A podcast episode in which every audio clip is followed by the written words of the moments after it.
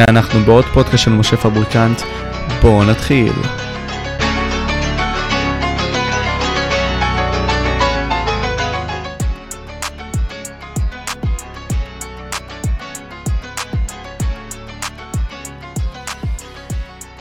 הנה עכשיו אנחנו בפודקאסט נוסף חבר'ה, אנחנו נמצאים פה עם דני קגנוביץ', IFBB Pro, מר ישראל, ב fucking ענק מהחיים. איך אתה אחי?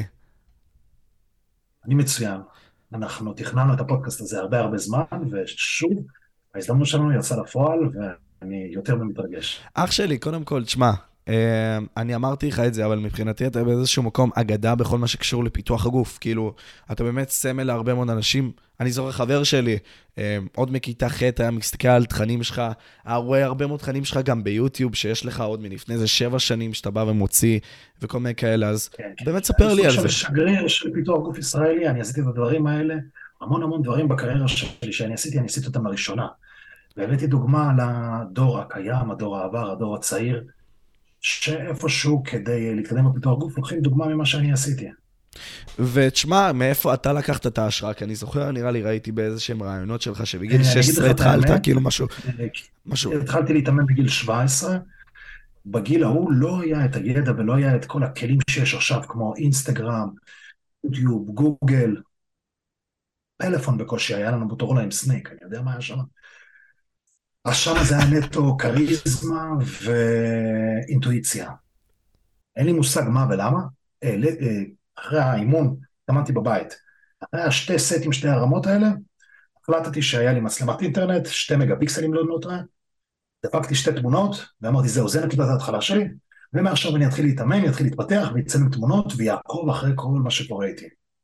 לא יודע, זו האינטואיציה שדיברה אליי, וזה עבד, היה לי תיקיות, היה לי חזה, גב, ידיים, אז כל הזמן כשאתה מתאמן אתה מגיע לסוג של פאמפ, השיר שלך טיפה מתנפח והוא נראה יותר גדול ממה שנראה גדול במציאות.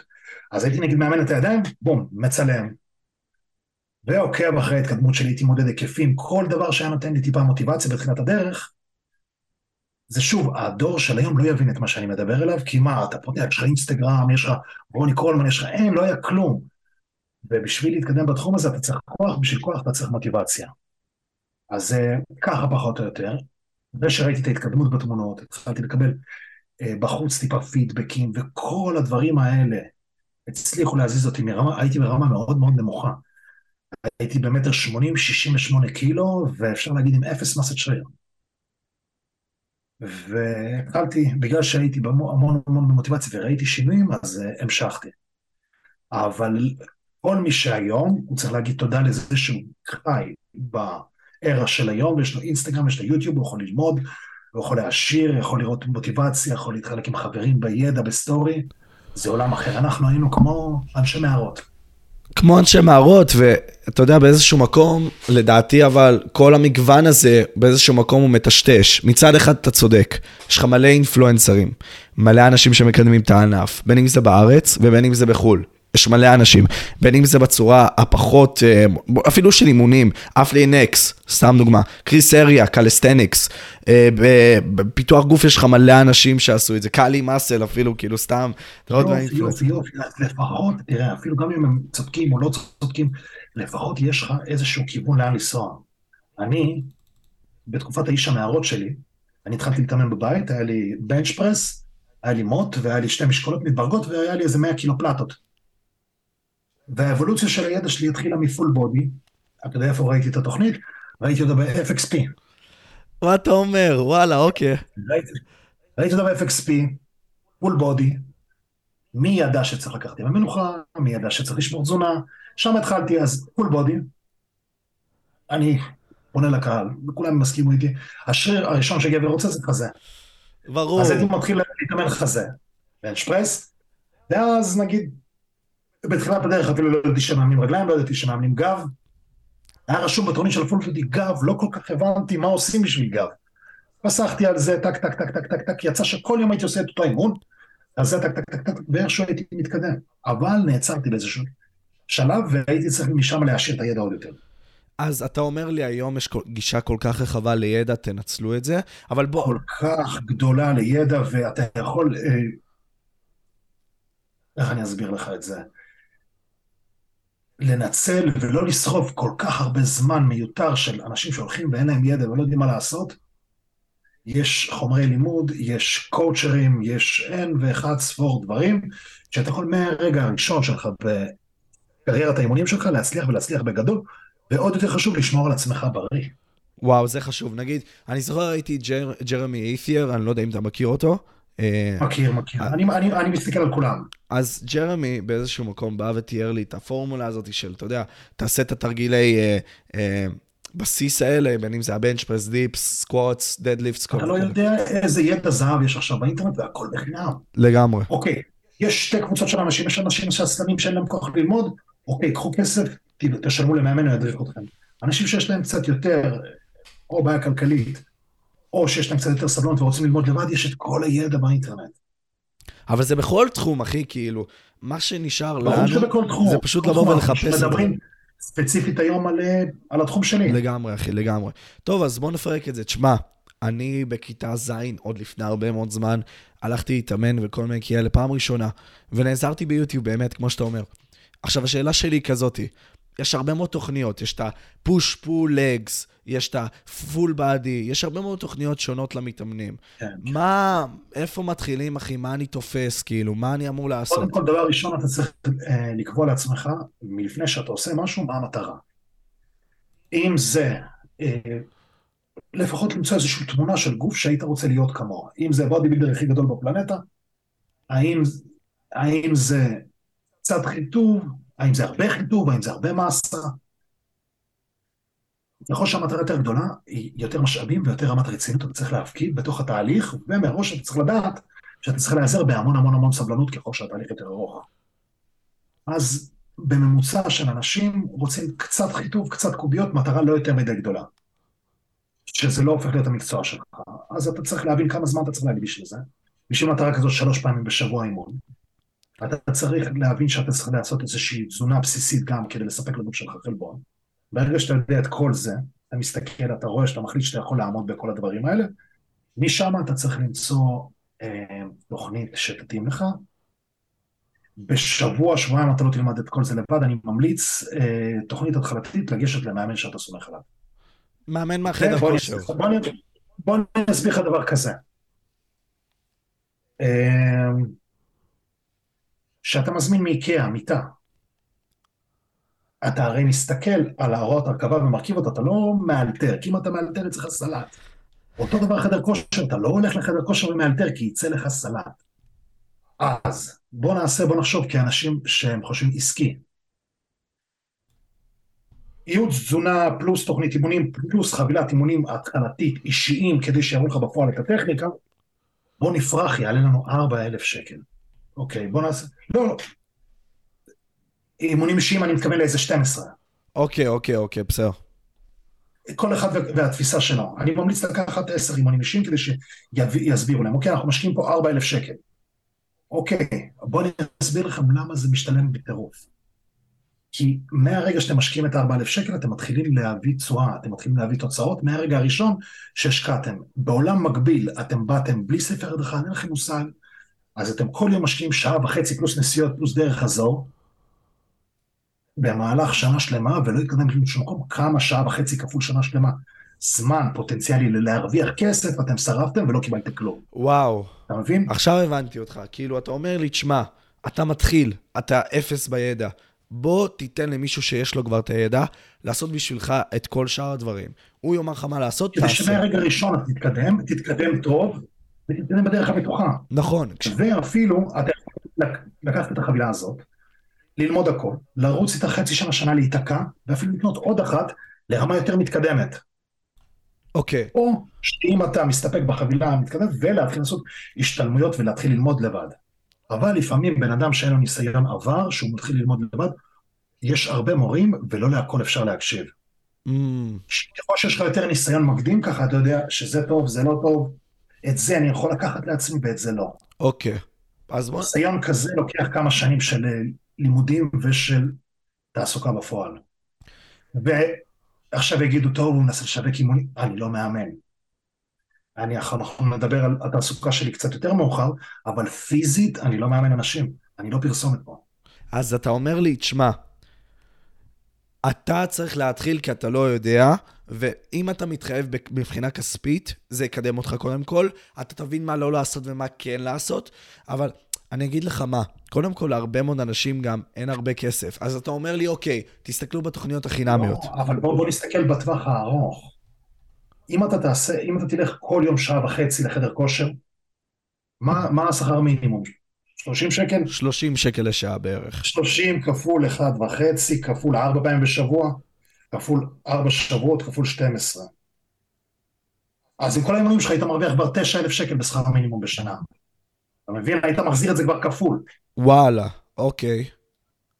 אז, אז אוקיי, סבבה. עשיתי את ה... אני, אני בן אדם שהוא נגד לשרוף זמן, אתה מבין? הבנתי אותך. אז אתה אומר לי, אני מסתכל מבחינה... אם יש לאנשים בעיה, אם יש לאנשים יכולת כזאת לבוא להתאמן, להשקיע את הזמן ולא לקבל כלום, ברכה, תלכו. עדיף להתמקצע איפה שאתה רוצה. אתה טוב בעבודה שלך, לך תרוויח שם כסף, תיקח קצת כסף, תשקיע במשהו שאתה לא מבין, כדי להתחיל להתקדם בו מהרגע הראשון. יש בזה משהו. יש... ולא לכולם יש גם את השכל מספיק בשביל לבוא ולהגיע לתחום, לחקור מההתחלה, כי גם, תשמע, אני זוכר את זה. זה מאוד קשה, זה מאוד קשה. אני אבוא ואגיד, שנייה, שנייה. ברגע שאתה מגיע עם אפס ידע, שנייה, אני אגיד, אני פשוט... הראש שלך מתפצל ל-17,000 מאמנים ואתה מאבד הכרה. אני זוכר גם כשאני התחלתי, אני כל הזמן באתי ואמרתי, טוב, אני צריך ללמוד, אני צריך ללמוד, והרצון ללמוד בא ועיכב לי את העשייה. אמרתי לעצמי, טוב, אני לא אעשה אימונים בכלל כדי ללמוד, ואז בכלל עצרתי את המומנטום. אני, אני מבין מה אתה אומר. זה שני דברים גם. אה, צריך לגבות את הניסיון ואת הידע, ושהם יהיו בפרופורציה חופפת. אם הניסיון שלך הוא נמוך, אבל הידע שלך מטורף, בפועל אין לך יותר מדי שום דבר. אתה יודע את כל התרגילים, אתה יודע את כל החזרות, אתה יודע את כל התפריט, בפועל, ב- בידע, אבל לבוא ולבצע אותם אתה לא יודע, לא עשית בזה שום דבר. אתה צריך ללמוד תוך כדי שאתה מצטבר ניסיון. ככה זה גם בכל מקצוע אחר. עכשיו, אז כן. איך הגענו בכלל לקטע של האימונים, של החבילה, של ה-40,000 שקל, שאמרתי שאנחנו היינו אנשי מערות, גם אם היה לנו כסף, לא היה איפה לקנות את הידע הזה. ולפני הכל, אני מסביר שאנחנו נמצאים בעידן היום שגם לא צריך להוציא כסף, שאפשר ללמוד בחינם. אתה כאילו אומר, אתם יכולים היום ללמוד את הבסיס הכללי, ואתם יכולים למנוע מטעויות לקרות, אז אתם חוסכים לעצמכם הכל. הזמן שלכם למקסם את עצמכם הוא עכשיו. אנחנו גם אם היינו רוצים, גם לשלם, או גם להתקדם, כל מה שהיה זה רק טיפים מפה לאוזן של תאכל קוטג', תאכל ביצים אחרי אימון, שתי ביצים, שתי חלב, כל אחד היה מוסר איזשהו מפה לאוזן, כזה שעדיין המפה לאוזן הזה מסתובב עכשיו. ואתה אומר... יש לנו בעידן של עכשיו, מה אנחנו עושים עכשיו? אנחנו עושים fucking פודקאסט בזום. בתקופה שהייתי מתאמן איפה? איפה? SMS היה עולה שקל. אתה מבין? אז עכשיו כל כך הרבה כלים, ומי שלא מנצל אותם הוא בבעיה קשה. אז אוקיי, נגיד והתחלתי וכל מיני כאלה. תשמע, אני, אני אישית קניתי לעצמי supplements, כאילו תוספי תזונה כאלה ואחרים, אבל אני, אני מתאמן יותר מתקדם. נגיד, קניתי לעצמי קריאטין, קניתי לעצמי פרוטאינים וכל מיני כאלה.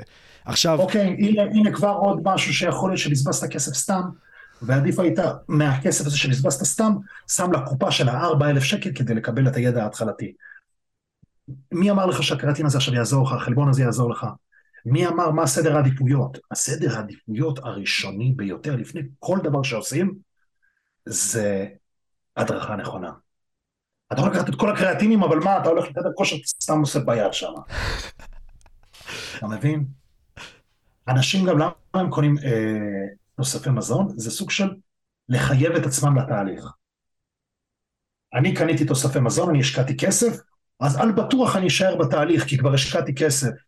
או שאולי זה איזשהו קסם שייתן לי משהו. לוחם שתי מנות זה לא עובד כמו שהם ציפו, כי שזה שום, אין שום דבר קסם, ואז עוד פעם מגיעה פרישה. ואז זה עוצר כל דבר שאי פעם רצית לבנות. רצית את הגוף הזה, אתה לא תצליח. וברוב המקרים גם להתחלה, התוספי מזון זה משהו שהוא לא הכרחי. התוספי מזון מגיעים בשלב מסוים שכבר אתה עולה רמה, שאתה צריך באמת תוספות. בשלב ההתחלתי הכל עובד. חד משמעית, כלומר, אתה יודע, פשוט להבין הכ... אה, אה, כמה קלוריות אתה צריך לאכול ביחס לכמה קלוריות אתה שורף. פשוט וקל. כמה אתה שותה, כל הדברים האלה, בשביל לבוא ולשים את הבסיס, שהוא יהיה יציב. מה, איזה בסיסים צריכים להיות למתאמן הזה, סתם דוגמה? אה, כמו שאמרתי לך, ככל שהמתאמן יותר, יותר, יותר, יותר ויותר ויותר מתחיל, תלוי איפה הנקודת ההתחלה שלו. אם הבן אדם בכלל, איש מסיבות שותה אלכוהול, שני, חמישי בשבת, אוכל סנדוויץ' בבוקר, מאפה בערב, ככל שהוא יותר מנותק מהתחום, עצם זה רק להקריב אותו לאיפשהו משהו בסיסי יותר, לחיים בריאים, זה כבר עשית התקדמות בתחום. מאמן עם uh, מנוסה, הוא ידע, כי בן אדם כזה שהשגרה שלו מנותקת מכל, יהיה לו מאוד מאוד מאוד קשה לעשות ריברס, ולתת לו, uh, לעשות אירובי בבוקר, ולהתחיל לפצל לו ארוחות בריאות, ולהכניס ירקות ולשתות מים, הוא שותה כל היום קולה, איפה מים? אז מאמן נכון ידע להכניס אותו לשגרה הזאת בהדרגתיות. ואז, כשהתהליך הוא לא קיצוני, זה תהליך שאפשר לספוג, ואפשר להתמיד בו. אתה מבין?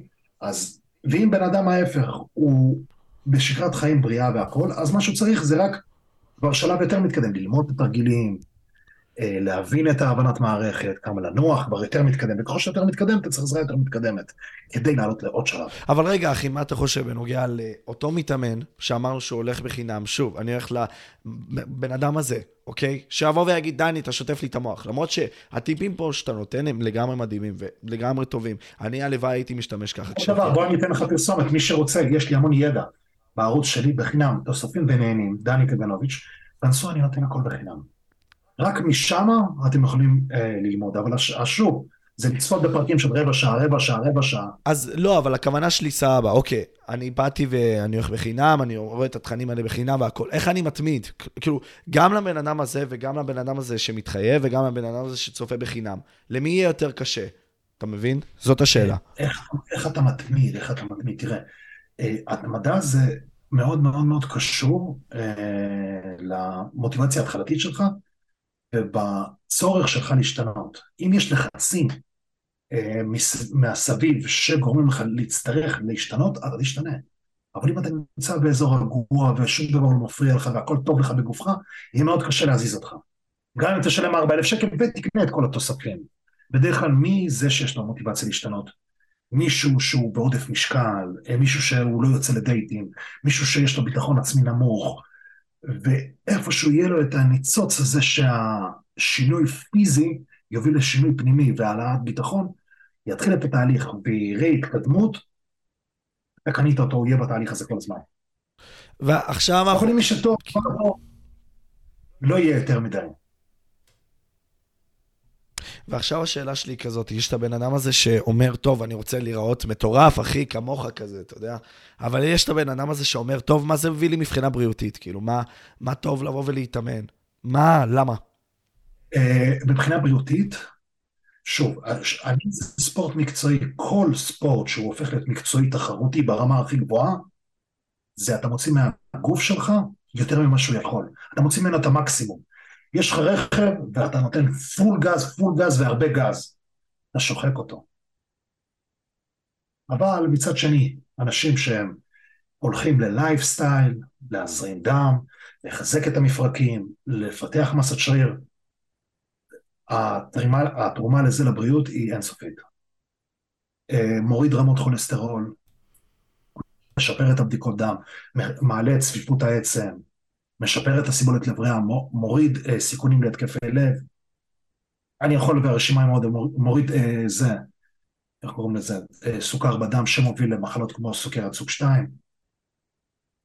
אה, אימוני התנגדות הם אימונים כמעט הכי טובים שיש להעלאה של המצב הבריאותי שלנו. תשמע, אתה מומחה בתחום באיזשהו מקום, כן? אתה כאילו מתאמן גם בזירה המקצועית והכול. איך זה עובר, כאילו, מה זה אומר להיות בזירה המקצועית? אתה יודע, אתה מייצג גם את ישראל, אז בכלל.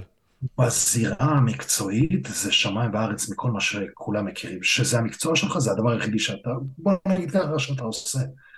אתה קם בבוקר, וכל היום אתה, אם שאתה נמצא, אנחנו נמצאים בכל מיני אה, פאזות במהלך השנה שלנו. יש לנו פאזה שזה פגרה, שזה בדרך כלל אחרי תחרויות, מה שאני נמצא עכשיו, זה תהליך התאוששות וצבירת מוטיבציה.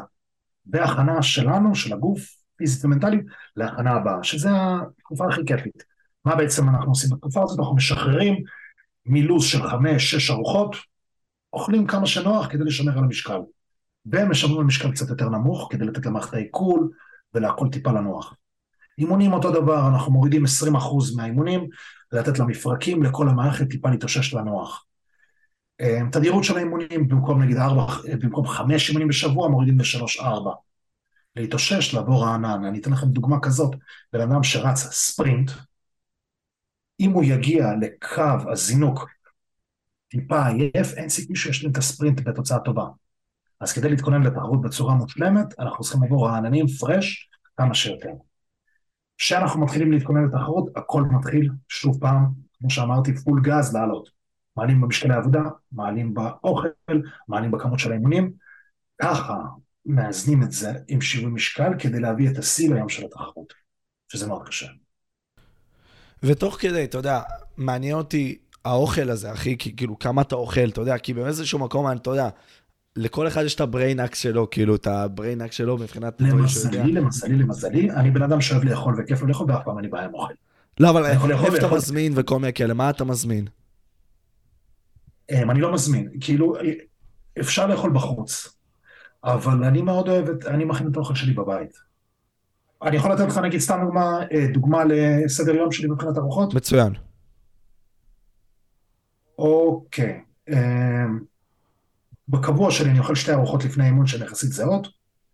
אמ, באיזה שעה האימון שלך? כאילו, בוא, בוא, בוא ניתן כזה גם לשאול. אני מתאמן בשבע. אני מתאמן בשבע. אני מתעורר ב-11, אתם תשמעו בהמשך למה זה קורה ככה.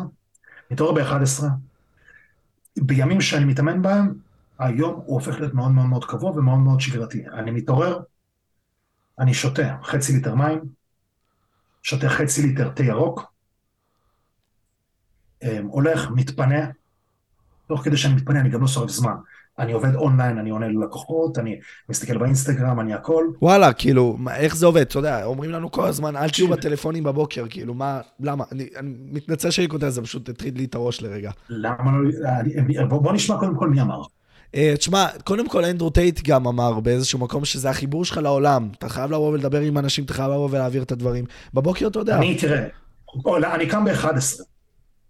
למה? כי אני יושן פגז, אני יושן עמוק, אני יושן טוב, ואני פותח את העיניים ב-11, 11 ודקה אני כבר, כאילו קמתי.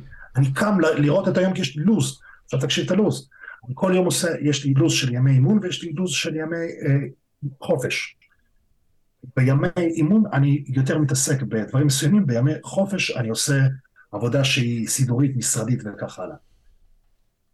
אה, מתפנה, עולה על ההליכון אה, כדי לשפר את התיאבון, כדי שאני אוכל את אותן כמויות, רצוי אה, לעשות את האירובי 20 דקות, 25 דקות, זה מעלה לך אקסטרה של רעב, מוריד את הסוכר בדם ומאפשר לגוף שלך לאכול ולעכל את האוכל בכמויות האלה בצורה מאוד מאוד איכותית. שתי ארוחות, ארוחה ראשונה וארוחה שנייה הן כמעט אותו דבר, 350 אוחזי עוף או בקר, אמ, שלוש ביצים מתוכן אחת צהוב, אני אישית אוהב לערבב כמה סוגי מזון, או אורז או תפוחי אדמה, ותמיד תמיד ירקות, שתיים כאלה זה ארוחות גדולות כאלה, לפני בין הארוחות, שוב, כל הזמן יש לי פתקים של עשייה, בוא אני אראה לך היום נגיד את הפתק, היום יש יום חופש, אז זה פתק עשייה של יום חופש, יש לי לעשות. אירובי בבוקר, סרטון על חלבון עוגיות, מענה לשאלות, לקפוץ את הבית מרקחת, לעשות קניות, אה, לדבר עם אה, איזה מישהו בקשר לאיזה משהו, להתקשר לעוד מובייל, להתקשר לכללית, לדבר עם רונן, לדבר עם יניב, יש לי פודקאסט בשבע וחצי ויש לי פגישה עם אלדד. ואת כל הרשימה הזאת אני עושה בזמן שאני עושה את ה-20 דקות אירובי, את כל המטלות שיש לי להיום. כן, אני, אני, אני אעצור שנייה, כאילו, אתה עושה את זה דרך הגוגל קלנדר וכל מיני כאלה, או איך אתה עושה את זה? לא, לא, לא, לא, לא, בפתקים. פתקים, ממש. אני פותח, אני בבוקר פותח, זה בימים שאני נח בהם. שהימים שאני נח בהם, אני דוחף את כל הסידורים שלי, בימים שאני מתאמן, יש אילוץ טיפה שונה. כשאני מתאמן אז יש לי את השתי הארוחות האלה, בין הארוחות האלה יש לי עסק של מכירה של תוספי מזון, אני מקבל לקוחות, נותן להם את החלבונים, פלוס אה, בונה תוכניות, או, או שמה, אה, עונה לשאלות של המתאמנים שלי. מתאמן, הולך בשבע וחצי, חוזר באיזה עשר וחצי, אימון ארוך עם אירובי, עם הכל, אוכל שוב, חוזר לעבודת אונליין. מענה לשאלות, רואה מה, יצ... בזמן אימון אני עם הטלפון שלי מכובה. כאילו לא מחובר, אני רק עושה סטורים, אבל לא מתייחס לשום דבר שכותבים לי, או שום שיחות שנכנסות אליי, אני לא עונה לאף אחד. אחרי שאני אוכל, אני נח, אני חוזר לעצמי, חשוב לי גם השקט הנפשי שלי, חוזר לכל השיחות, חוזר לכל ההודעות. מסיים איתם, אוכל עוד ארוחה, מ-12 עד 2 בלילה, אני יושב ללמוד. יש לי פתק של נושאים של ללמוד, ואני אומר לך ככה. אבל זה לא פוגע לך במחזור שינה, או לא יודע מה, אתה יודע. תקשיב, יש לי עכשיו כמה דברים, אני רוצה לעבור לגור עכשיו אה, בבית אחר, אז אני מתעניין בלקחת משכנתה, אז אני מסתכל על אה, מחשבון אינפלציה, מחירי דירות, יש לי עוד איזה פציעה קטנה שמטרידה אותי בכתף, אז אני חוקר על זה, יש לי עוד משהו שבבדיקת דם טיפה לא נראה לי טוב, אז אני חוקר גם לגבי זה, ונושאים כלליים שאני רוצה להתחזק בהם. כל הזמן שאני נמצא ביום ואני רואה משהו שאני לא מבין, או שאני רוצה להתחזק, או שאני רוצה לייעל את הידע שלו, פותח את הפנקס, טאק, דופק שמה, ללמוד. וברגע שאני מרגיש שאני שולט באותו זה, אני שם לו וי, ואחרי שבועיים אני מוחק אותו. אוקיי, אז בואו ננתח את זה, אבל אם עכשיו בא לך משהו כזה, לא יודע, אוף לוז, לא קשור ללוז, מפריע לך, טוב, איך אתה מתמודד עם זה? תקשיב, עכשיו, תקשיב, עכשיו, עכשיו ימי המנוחה. אה, נכון אמרת שלקח הרבה זמן לקבוע את הפודקאסט? אמת.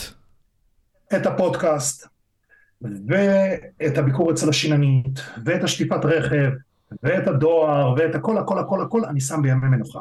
אני מתאמן יומיים, וביום מנוחה אני מכניס את כל הסידורים האלה. אז נכון אמרתי לך, מתי אני יכול? שני, חמישי. יש לי בדרך כלל שתיים, שלוש ימי מנוחה. שלישי, רביעי, ותבחר מתי שאתה רוצה. אתה מבין?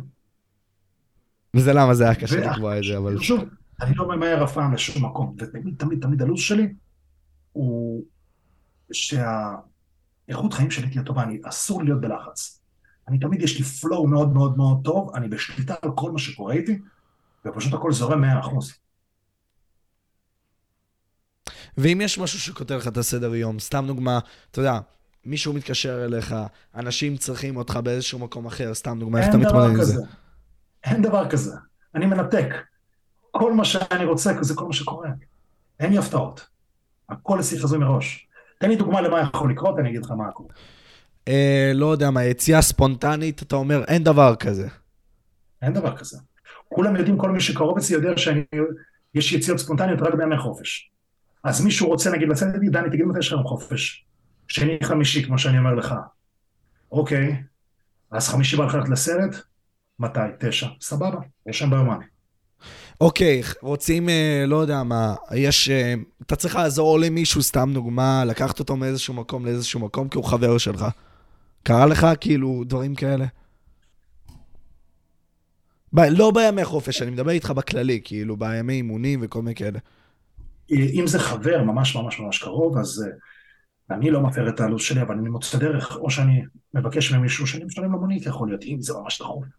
אז אתה אומר, אני לא יוצר את הזמן שלי, אני יוצר את מי שאני, אני כל דבר שאני עושה. הכל אצלי לפי התוכניות. אה, ואפילו, נגיד, סתם דוגמה, אה, אני עושה, אחרי תחרות אני עושה בדיקות כלליות לגוף שלי. אני, ביום שישי הבא, יש לי בדיקה של אקו לב במאמץ.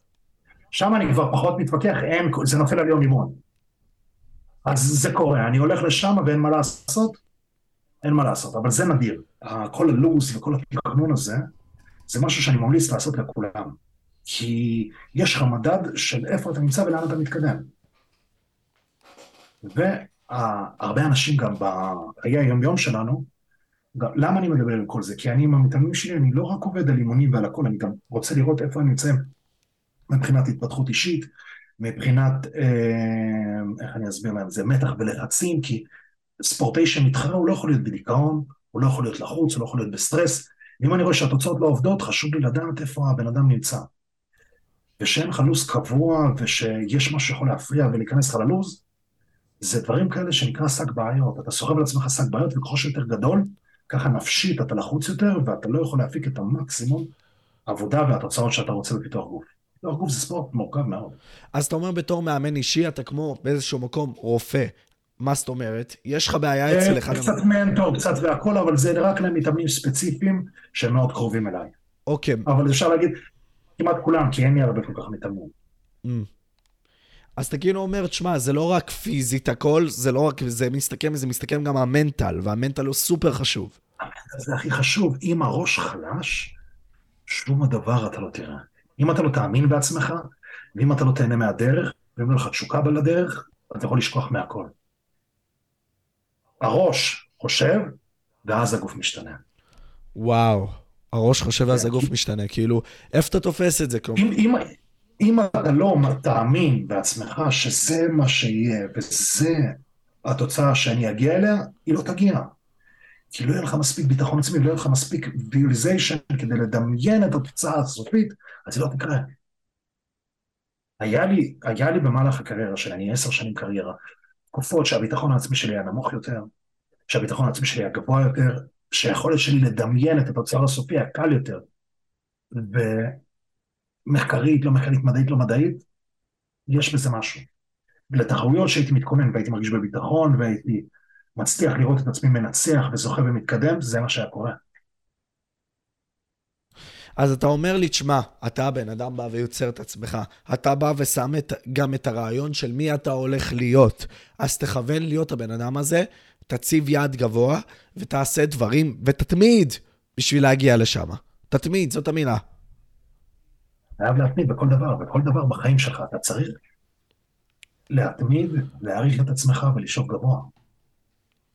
והכי חשוב, הכי חשוב להאמין בעצמך, כי אם אתה לא תאמין, שום דבר מהדברים האלה לא יעזרו לך. התמדה לדעתך זה הדבר בין, בוא נגיד סתם, נשים אותו בסקאלה, סבבה? התמדה זה בין הדברים החשובים, אם לא הכי חשוב לדעתך באימונים? התמדה לזמן ארוך. התמדה לזמן ארוך, אוקיי, יפה. אתה יכול להתמיד את החיים שלך, והיום לעשות את הכל, גם להתאמן, גם לשמור תזונה וגם לשתות מים והכל הכל הכל, יום אחד. עדיף אפילו להתמיד פחות, אבל לפרוס את זה למשכנתה ל-30 שנה. אתה מבין? התוצאה תהיה הרבה יותר טובה, כי גוף חטוב וגוף חזק לא נבנה ביום אחד. אז היום אתה תיתן 100% אבל רק ליום אחד, עדיף תיתן 20% שיצטברו במהלך 10, 20, 30 שנה. בעצם טוב. אנשים זה התורה שלהם, היום אני מתחיל, היום אני בפול גז. בדרך כלל מי שמתחיל פול גז, מתעייף גם פול גז. תיקחו את זה כתהליך, תיתנו לה, תשימו לעצמכם יותר מטרות, אוקיי. היום אני חמש דקות יוסיף באמון, היום אני אוסיף תרגיל, לאט לאט, היום אני אחמיר קצת בתזונה, היום אני אוסיף קצת אירובי, לאט לאט גם שהתהליך הוא, במהלך התהליך אתה תתגלה לעוד דברים חדשים. ככל שאנחנו מתגלים ליותר דברים חדשים, מסקרנים יותר, יותר כיף לנו להמשיך. אם אנחנו עושים הכל אותו דבר כל הזמן, זה הופך משעמם, סטטי, ואנשים פשוט פרושים. הבנתי, ובאיזשהו מקום גם זה צריך לשים את זה בעיקרון, או בין העקרונות החשובים שלנו, שזה או לשמור על הגוף שלנו, אם אנחנו אנשים פשוטים, או אם אנחנו מתאמנים שרוצים להיות מקצועיים, או אפילו חובבנים, זה פשוט להכניס את זה ללוז, להתמיד, לעשות, לעשות, לעשות, לעשות. אמ, תראה, בקטע של מקצוענים ובקטע של אפילו מתחרים חובבנים, אם אין התמדה אתה לא תגיע לשום מקום. בקטע של החובבנים שאין להם שום מטרה, שם אתה יכול לא להתמיד ולהתמיד, אתה לא תמות. אבל בלי התמדה אתה לא יכול להגיע לתחרויות. אוקיי. לא משנה באיזה רמה. גם ברמה הכי נמוכה, אתה לא יכול לבוא מהסלון להתחרות. זה תהליך. הבנתי. עכשיו דיברנו על האוכל, דיברנו על הצמדה, דיברנו על גם, איזה הרגלים אתה עושה, אתה יודע מה, לא, לא, דיבר, לא דיברנו על זה, כאילו, תשמע, הרגלים זה סופר חשוב באיזשהו מקום, אה, איך אתה ישן, כל מיני כאלה. השתיית מים, אני חושב שזה מטורף, אתה יודע, אני שותה 4 ליטר כל יום, שהמערכות יעבדו כן. יותר טוב. אז ספר לי את ההרגלים שלך. אה, בגלל שהסדר יום שלי יחסית קבוע, ההרגלים שלי יחסית קבועים, וככל שאני מתבגר יותר, לומד יותר, אני לוקח על עצמי יותר הרגלים. יותר הרגלים שמקדמים, מפקחים, מקדמים. אה, משנה לשנה אני שם לב שיש לי יותר יותר הרגלים. אה, הרגלים שיש לי היום שלא היו לפני חמש שנים נגיד. להיות במוטיבציה אה, לפרסם את עצמך, לעבוד בכמה תחומי עניין, אם זה התוספי מזון, אם זה האימונים אה, שלי כמאמן, ויותר אחריות ויותר זמן ויותר הרגלים. אם אתה אומר הרגלים שמקדמים אותי בתור הפיתוח גוף, ברמה המקצועית זה הרבה הרבה הרבה הרגלים, כמו זה אירובי בבוקר, האימון, פוזינג, ארוחות, אה, משמעת, תוספי מזון. ככל שאתה מתקדם יותר ככה, גם כמות ההרגלים שלך גודלת, ספציפית מאותו נישה. אבל עכשיו מתקיל אותי מאוד, אתה יודע, הרבה מאוד אנשים רוצים לקחת על עצמם הרבה מאוד הרגלים בבת אחת. אתה אומר, זה ביג קשה, קשה, קשה. אפילו, אפילו בשלב, אה, ברמה שלי, אה, אני לא רק מתפתח בעניין של הפיתוח גוף, אני גם אוהב אה, התפתחות אישית, אני אוהב ללמוד, אני אוהב להתפתח בחיי חברה, בכל מיני תחומים. אסור להציב רף גבוה מדי של התפתחות. כל פעם שאתה עושה משהו חדש, לפני שאתה ניגש אליו ואתה מגיע לרמה חדשה, יש טיפה חוסר ביטחון, אתה מכיר? ברור. אם אתה קופץ מרמה לרמה בטווח גדול מדי, לפעמים הטווח הזה יכול להוביל למצב שפשוט אתה לא תעמוד, אתה לא תעמוד בו. החוסר ביטחון יהיה כוח גדול, לא תהיה אדפטציה, ואתה פשוט תיכשל, והכישלון הזה יכול לגרום לך, כישלון זה דבר טוב, אבל כישלון קל שאפשר אה, להמשיך ממנו, אבל כישלון חזק יכול אפילו לגרום לך לפרוש. וואו, אז אתה אומר לי, תשמע, כאילו, אתה חייב לקחת את זה בסלואו, באיזי, אתה בונה בו בניין, אחי. אה, פיתוח גוף, לא משנה באיזה רמה, זה דבר שהוא מרתון. אני לא אוהב, טוב, אני אחרי שנה רוצה לעלות 20 שריר, אני רוצה לעשות את זה, לא, לא, לא, לא, יותר לאט, יותר סלואו. זה טעות מאוד גדולה שאנשים רצים מהר. בסופו של דבר זה הגוף שלך, אתה משנה את הגוף שלך. ברגע שהגוף שלך משתנה, כל הגוף שלנו יש לנו אה, מערכת הורמונלית שמסדרת וגורמת לגוף שלנו להיות בשיווי משקל. ככל שאתה גורם לשינוי גדול יותר בפרק זמן קצר יותר, זה משנה לנו את המערכת ההורמונלית, את המערכת האנדוקרינית, את הניורובולוגיה, את הסרטונין, דופמין, כל הדברים האלה יכולים לשמש לנו גם את המצב רוח ואת הגישה שלנו בימים. והמטרות הן לגמרי שונות למטרות. שלנו לא אוהב סטנס. המטרות, כאילו, תשמע, גם המטרות שלנו משתנות. נגיד סתם אצל בגינרס, הם מה זה מתפתחים מלא במאסה, ואצל אה, אנשים שהם בתהליך החציון שלהם, סתם דוגמה, עברו כמה שנים, כבר יש להם את ההבנה בערך על התחום, אז השריר טיפה יורד מבחינת כמה אתה יכול לעלות. אז המטרות גם, הם פחות, כאילו, לדעתי, תתקן אותי אם אני טועה, פחות לדעתי גם לאן אתה מגיע ובכמה זמן אתה מגיע, זה אולי לכוון כזה בערך, מאשר פשוט אולי להתמיד ולעשות את זה יותר וזהו, ולהגדיל את הכמות אה, משקל שאתה מעלה כל הזמן. תמיד אומרים שבהתחלה אתה גודל מהר, זה נכון, אבל אתה יכול, השאלה מה זה התחלה חודשיים, אתה יכול לגדול מהר גם שלוש שנים. למה? כי אתה מגיע למצב כזה שאתה מתאמן, למה בהתחלה אתה גודל מהר? כי הגוף שלך הוא לא מכיר את מה שאתה עושה. אבל אם במהלך השנתיים שלוש האלה אתה גם לומד איך להתאמן נכון, ומוסיף יותר, איך שקראת לזה, הרגלים לתוך המערכת, אתה ממשיך לגדול, כי הגוף שלך הוא נכנס לסיטואציות שהוא צריך להמשיך עדיין ולהשתפר אליהן. אז בהתחלה הוא גדל, הוא גדל בלי תזונה, בלי כלום, בלי שום דבר, נתקע. עד שלוש חודשים התחלתי לשמור קצת תזונה, הוא ממשיך לגדול. אחרי עוד שלוש חודשים למדת עוד כמה תרגילים חדשים, הוא ממשיך לגדול. הטכניקה שלך השתפרה, המשקלים שלך עלו, עוד הרגלים נוספים, התחלת לקחת קצת תוספי מזון, אז אתה יכול למרוח את ההתקדמות שלך לשנתיים שלוש אפילו. באיזשהו מקום אני אחזור לבן אדם הזה שמתאמן, ואתה יודע, הוא תוך כדי בצבא, תוך כדי בלימודים וכל מיני כאלה. איך הוא משלב את זה גם? אתה יודע, אנחנו תכף נחזור למקצוענים, כי באמת אני רוצה גם להתעכב על זה. אה, בגלל זה אה, צריך להבין שלא גם המקסימום של לעשות מעיד על מקסימום תזוזה. זה שאתה עושה 20 אימונים ו-30 ארוחות, לא בהכרח ייתן לך את התוצאה הכי טובה. אנחנו צריכים לדעת למצוא את העומס האופטימלי. בוא נגיד לך ככה, שלוש אימונים בשבוע הם מצוינים כדי להתקדם. ארבע יהיה קצת יותר טוב. בין ארבע לחמש אין הבדל, ובין חמש לשש יש רק רגרסיה. אז לבן אדם שהוא בצבא, שלוש ארבע אימונים, לסדר את זה נכון, וגם אם יש לו גישה לחדר כושר, או שאפשר גם להתקדם עם אימונים עם משקל גוף בלבד, רק צריך מישהו שיסביר להם איך לעשות את זה נכון. תן לי מקבילים. ומתח, אני רושם לבן אדם נכון כמה סטים לעשות, מדריך אותו איך עושים את זה, הוא יכול להגיע למסה שמאוד מאוד יפה בשביל של תזונה נכונה. אפשר, לא צריך, יש כמה וריאציות למתח, יש רחב, אפשר לעשות מתח הפוך, ימי יותר דקש לבייספס, אפשר לעשות מקבילים ליד אחורית, אפשר לעשות מקבילים לחזה, אפשר לשחק עם זה ואפשר לעבוד עם זה מאוד מאוד מאוד יפה. בגלל זה, אני, אני יודע, בן אדם שהוא לא יודע, הוא לא יודע מה לעשות עם זה. עכשיו נלך למסה. אתה יודע, אה, אמר, רציתי להגיד שבאיזשהו מקום יש אנשים שמתלוננים, אני לא עולה במשקל. האם זה רק מסתכם בכמה קלוריות אתה מכניס וכמה קלוריות אתה מוציא? והחילוף החומרים שלך? בסופו של יום, אכלת יותר ממה ששרפת, תאורטית אתה צריך לעלות. אה, אבל זה לא רק ביום, זה מסתכם גם במאזן קלורי שבועי. אה, אנשים שאומרים שאני אוכל המון ולא משמין, ואני יכול לאכול הכל, אני אוכל ולא מצליח, הם צריכים לקחת דף נייר ולרשום על דף נייר את כל השבוע כמה הם אכלו, כי מה קורה בעצם? אותם אנשים שאוכלים הכל, הם דופקים שווארמה בבוקר, עד הערב לא אוכלים, אוכלים איזה שתי משולשי פיצה, חושבים שהם אכלו הרבה, למחרת מפספסים חצי יום של האוכל, נוצר להם חור. כל בן אדם שתיתן לו לאכול קבוע במאזן קלורי חיובי למשך שבוע, אפילו לא שבוע, אפילו חמש ימים חיובי ושתיים ניטרלי, או שיום ניטרלי, יום חיובי, שבממוצע של השבוע יהיה במאזן קלורי חיובי, הוא יעלה ואין לו ברירה אחרת. אה, אותו בן אדם שהוא אוכל, אוכל, אוכל, מספיק שיום אחד, הוא, הוא לא יאכל כמעט כלום, הרס את כל השבוע. ובסוף של השבוע יצא שהוא לא עלה בשום דבר.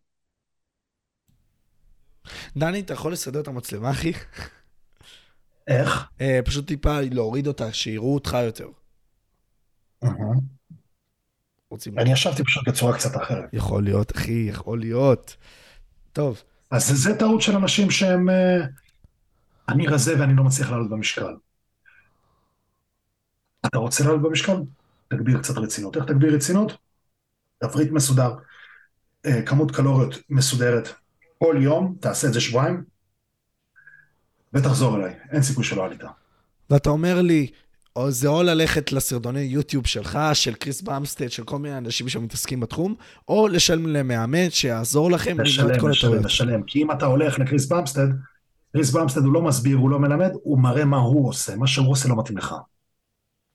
אמ, אתה נכנס לסרטונים שלי, אמנם יש המון ידע, אבל הידע הזה מסווג לרמות של אנשים, לרמה יותר מתקדמת, לפחות מתקדמת, לא הכל רלוונטי לך. לסרטונים שלי טוב לגשת שיש לך איזשהו ידע בסיסי כבר. כי כמו שאני מתפתח, גם הסרטונים שלי מתפתחים, אני משתדל תמיד, תמיד, תמיד לעלות ברמה.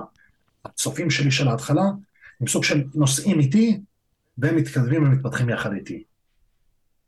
אז בואו נסכם את זה, אנשים שהם רוצים לעלות במשקל ולא עולים, או שאנשים שרוצים לרדת במשקל והם לא מבינים מה אני לא אוכלת כלום.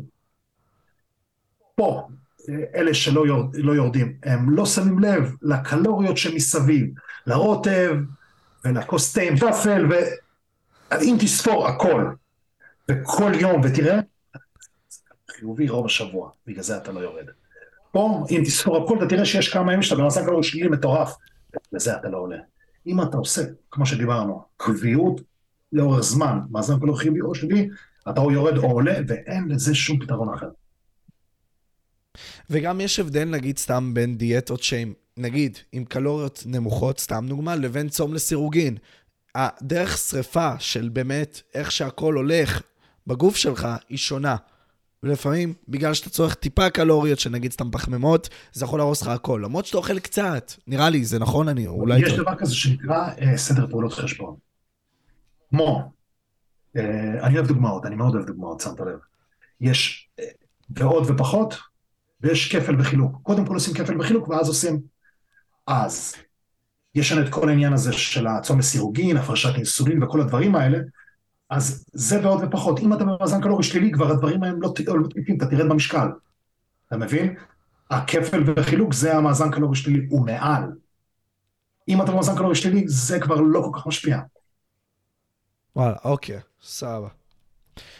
ושוב, אה, דיאטה לסירוגין אה, זה דיאטה טובה לאנשים שהם בעודף משקל, שיש להם בעיות בריאותיות, סכרת סוג 2, כולסטרול וכל הדברים שציינתי בהתחלה. זה פחות טוב לאנשים שהם אה, רוצים לעלות במסות שריר ולשפר ביצועים. פחות טוב. לאנשים שרוצים אה, לשפר ביצועים ולפתח מסת שריר, רצוי דיאטה שיש בה גם פחמימות, רצוי לשמור על הגוף שלנו יחסית במצב חטוב, עם רגישות לאינסולין ברמה גבוהה, ככה הגוף שלנו יכול להתאושש, להתחזק, בגלל המאגרי גליקוגן שאנחנו מעמיסים בתוך השרירים. צום לסירוגין קצת יותר בעייתי. בזירה המקצועית, אוקיי?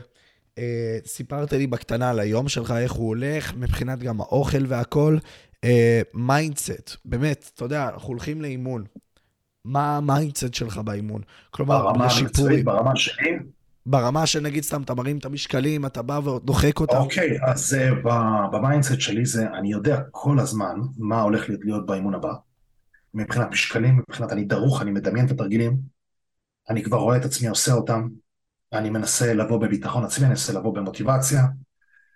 זה שהכל טוב הולך ויפה, יש ימים שאתה קצת חלש, גם שם אתה מדבר עם עצמך, אתה אומר הכל בסדר, תיתן בראש, אתה צריך לדעת הכל לקחת בפרופורציה, יש ימים ויש ימים, וחשוב מאוד להיות uh, עם יחסים מאוד טובים עם אני, אתה בעצמך.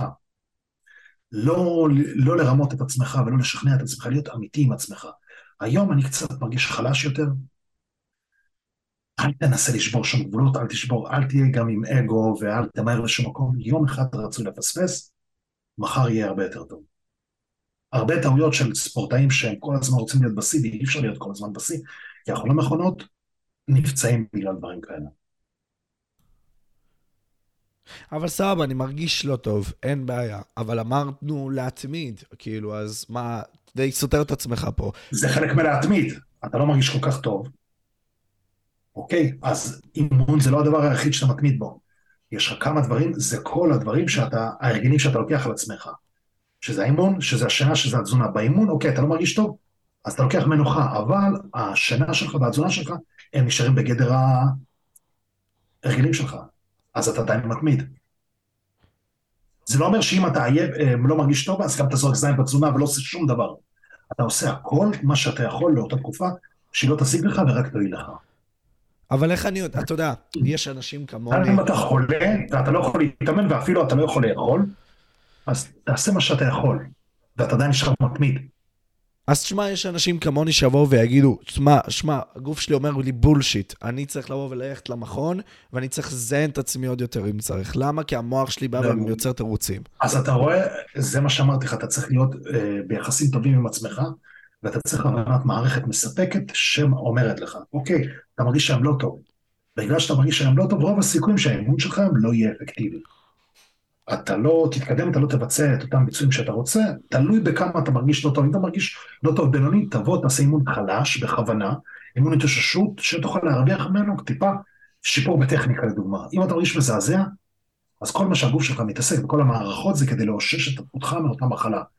סטרס נוסף רק יעשה לזה גרוע יותר בשביל זה, לספורטאים ברמה המקצועית יש מאמן, יש גם לפעמים רופא וכל אנשי מקצוע כאלה שאתה יכול להתייעץ. ולך יש? נגיד סתם רופא אישי וכל מיני כאלה שמתעסק איתך? לא, אבל אה, שוב, אני, אני ספציפית כזה כי אני אוהב ללמוד הכל לבד.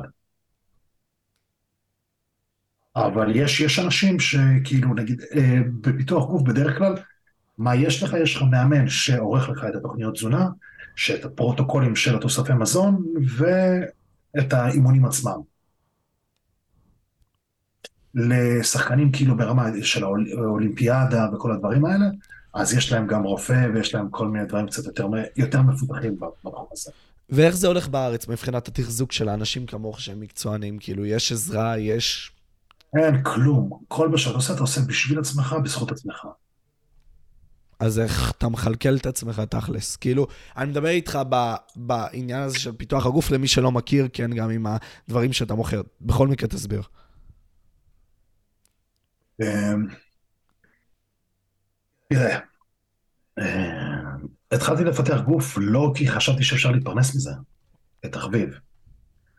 ואז הבנתי שאפשר לעשות מזה עסק, שאפשר uh, לאמן, שאפשר uh, למכור תוספי מזון, שאפשר לעשות איזשהו, בתור, אתה יודע, משפיען, uh, לעשות איזשהו פרסומות, כך הלאה. יש הרבה מפתחי גוף שהם מפתחי גוף מצליחים, אבל להרוויח מזה כסף הם לא מצליחים, כי זה עניין שהוא שונה איך שאתה משווק את עצמך ואיך שאתה מקדם את עצמך.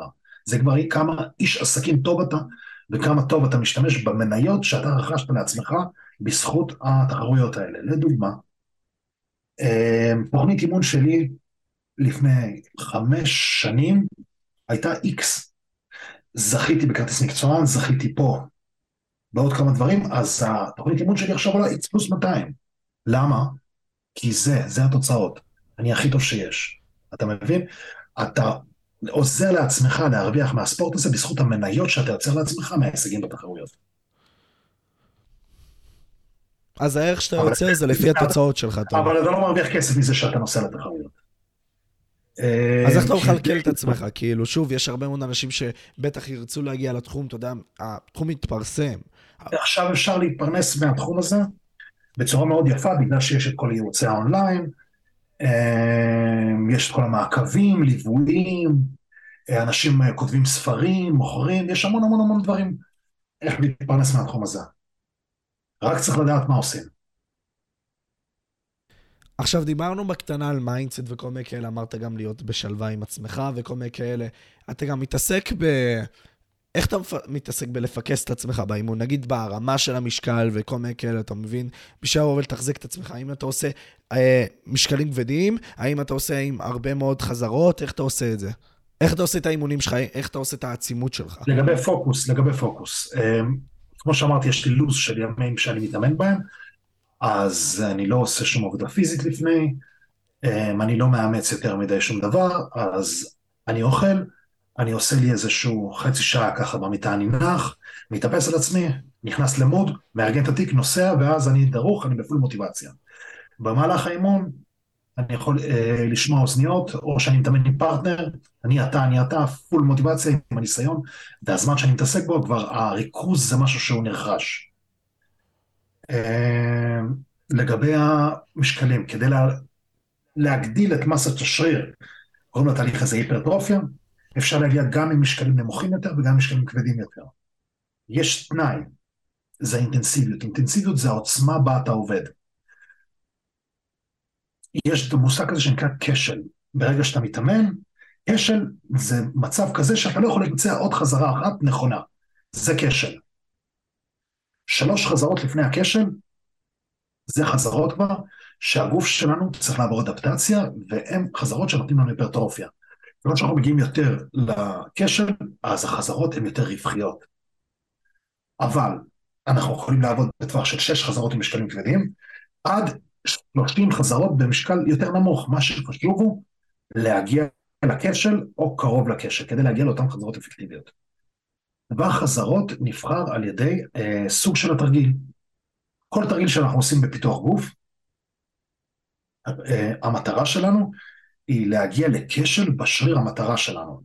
לדוגמה, אנחנו עובדים חזה, אז השריר, אה, עושים לחיצת חזה, השריר המטרה שלנו זה חזה.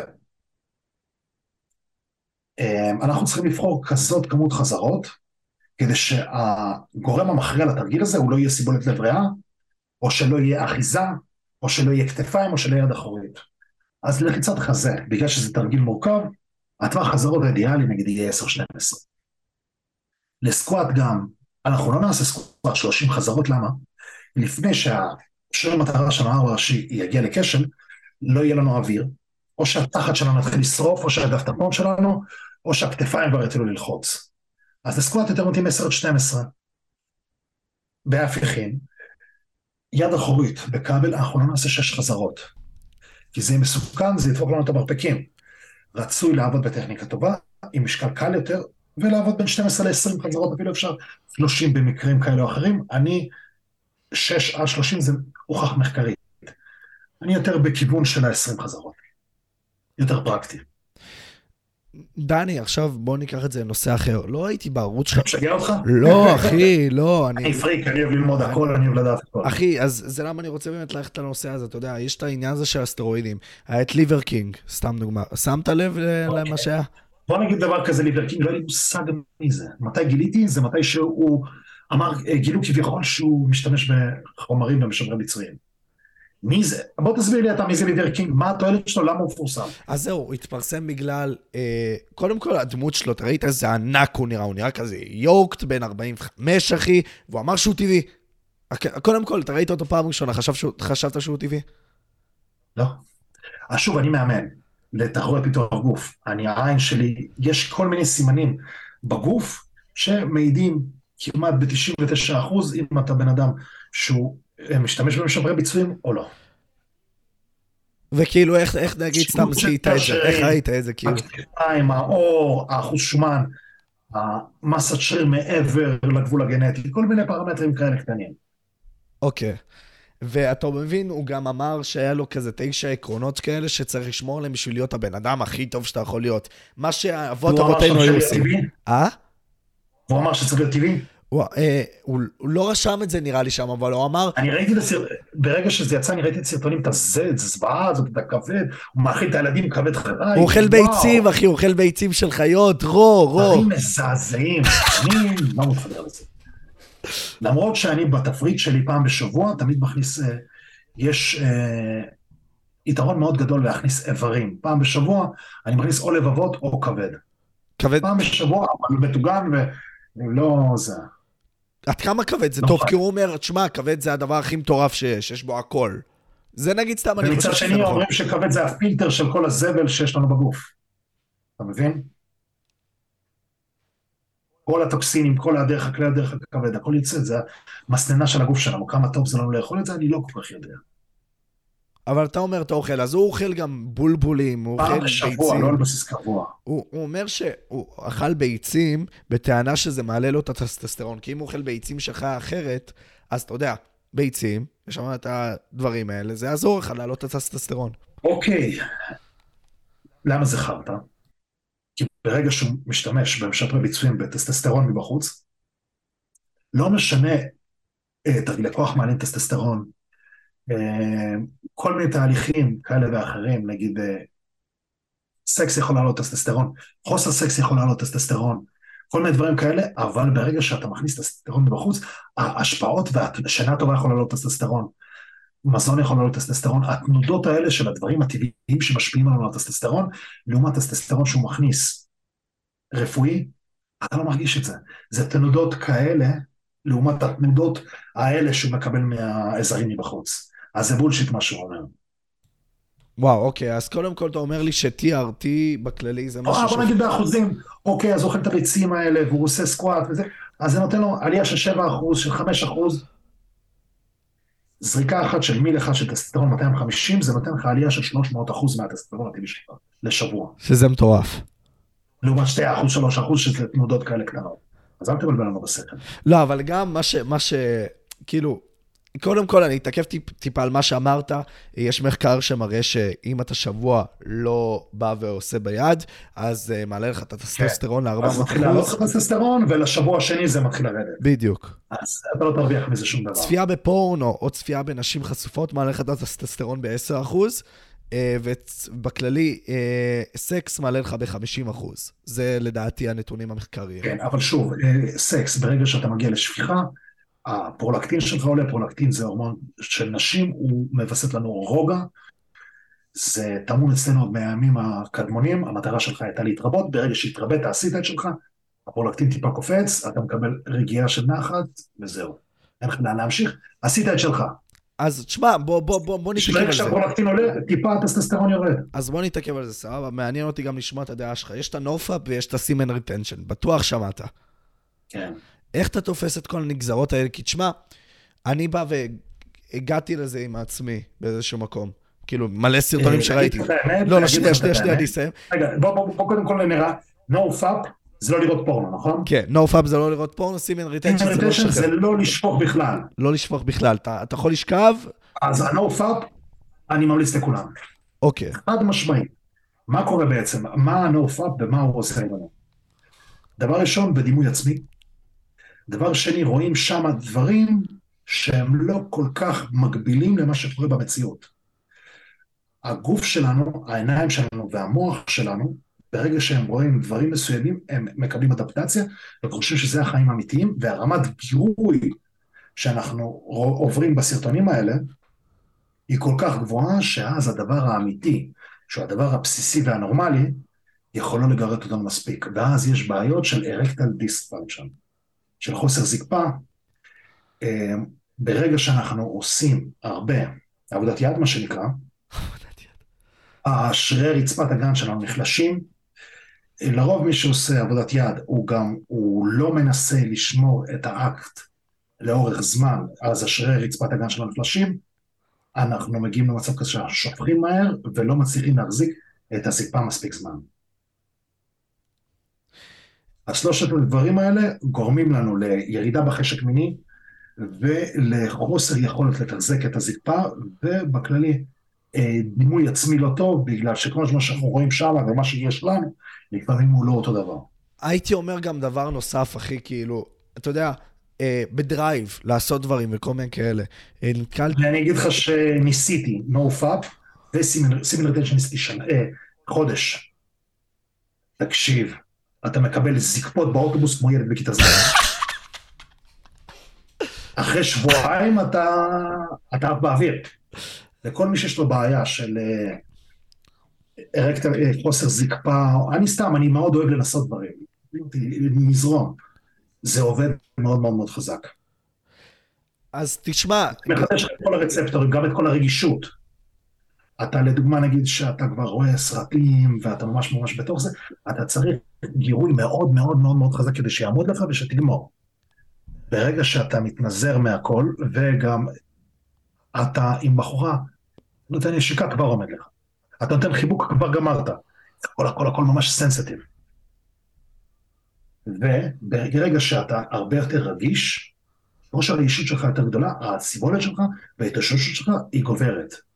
זאת אומרת, אתה תוכל להיות, להחזיק יותר מספרים רצוף. ששום דבר לא מזיז לך ואתה לא רגיש, ולא קורה איתך כלום, אלא לא מנסרים לך את הביצים. איפה אתה? אומר פעם אחת אתה פסול. אבל אם אתה רגיש בטירוף, אתה יכול לעשות כמה מספרים רצוף, ולהחזיק את הזקפה בצורה הרבה יותר חזקה. אז דיברתי על הניסור ביצים הזה, ואמרתי איך הגענו לזקפה ולזה שאני... דיברנו על הטסטסטרון, ודיברנו גם על כל מיני דברים. תקשיב, לא, זה מעניין, תמשיך שנייה, שנייה, שנייה, אני אמשיך. תזרום, אני פתוח לנושאים. אני גם אוהב לפתוח אותם, אחי, ולדבר איתם, אחי, ואתה... אז בוא נסכם קודם כל את ה... No לא, אבל שנייה, שנייה, שנייה, אני אוסיף את הביט שלי, אני גם אגיד שזה הורג את הדרייב. אני מסכם, אני לא אוהב לקפוץ מנושא לנושא לא, לא, לא, אני מוסיף לזה פשוט, ואחרי זה נסכם, אוקיי? יש גם את העניין הזה שזה הורג את הדרייב, כי לדעתי בתפיסה שלי, אם אתה בא ואתה מרוקן בביצים שלך, כלומר, אתה באת והוצאת את שלך, כמו שאתה אומר, אתה כבר נח, הפרולקטין בא ועולה וכל מיני כאלה, ובאיזשהו מקום גם, אתה גם שבע, אין לך למה להילחם, אז אין לך גם דרייב לעשות דברים באיזשהו מקום. בדיוק, בדיוק, ואז אתה פחות אה, יוצר שיח עם נשים, פחות יוצא לדייטים, פחות מתקדם.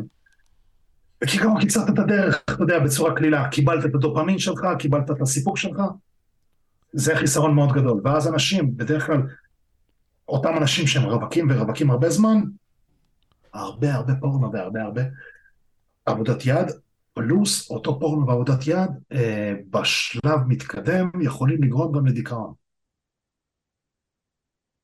למה? מה בעצם, תראה, מה מושך אותך בעצם לעשות את מה שאתה עושה? לא בהכרח שאתה חרמן, בגלל שאתה יודע את התחושה של בזמן השפיכה ואחר השפיכה. בזמן השפיכה אתה מרגיש עונג גדול, ואחרי השפיכה אתה מרגיש ריקסיישן ונחמד. אז כל הדבר הזה זה חוויה מאוד טובה, שבאותו זמן של החוויה הזאת יש לך קפיצה של דופמין מאוד גדולה. כל הדבר הזה נשמע לך בתת מודע ואתה רוצה לחזור על זה. וברגע שאתה חוזר על זה, חוזר על זה, חוזר על זה הרבה פעמים, הערך של זה והפעולה של זה והתוצאה של זה מפעם לפעם יורדת. אז כשאתה מתחיל להגזים עם זה, אתה רוצה להגיע לאותו הנאה, לאותו הרפאיה, אבל בגלל שאתה עושה את זה בתדירות גבוהה, אתה כבר לא מקבל את התוצאה. אז אתה מתחיל להתבאס, כי אתה לא מקבל את התוצאה, ואתה לא מבין איפה אתה נמצא. פלוס הדימוי העצמי שלך, והביטחון העצמי שלך, וכל מה שמסביב, ואתה גם, הזין שלך בקושי עומד, ואתה נכנס ללופ לא טוב, לא בריא, ופה מתחיל גם הדיכאון. אז... תסכים איתי, סתם, דוגמה. כן. לא עושה חודש. שום דבר, עושה פעם אחת. וואו, פוף, וואו. שעה אתה יכול להיות ככה טוב. אתה עושה את זה שלוש פעמים ביום? זה לא עובד כבר. מסכים.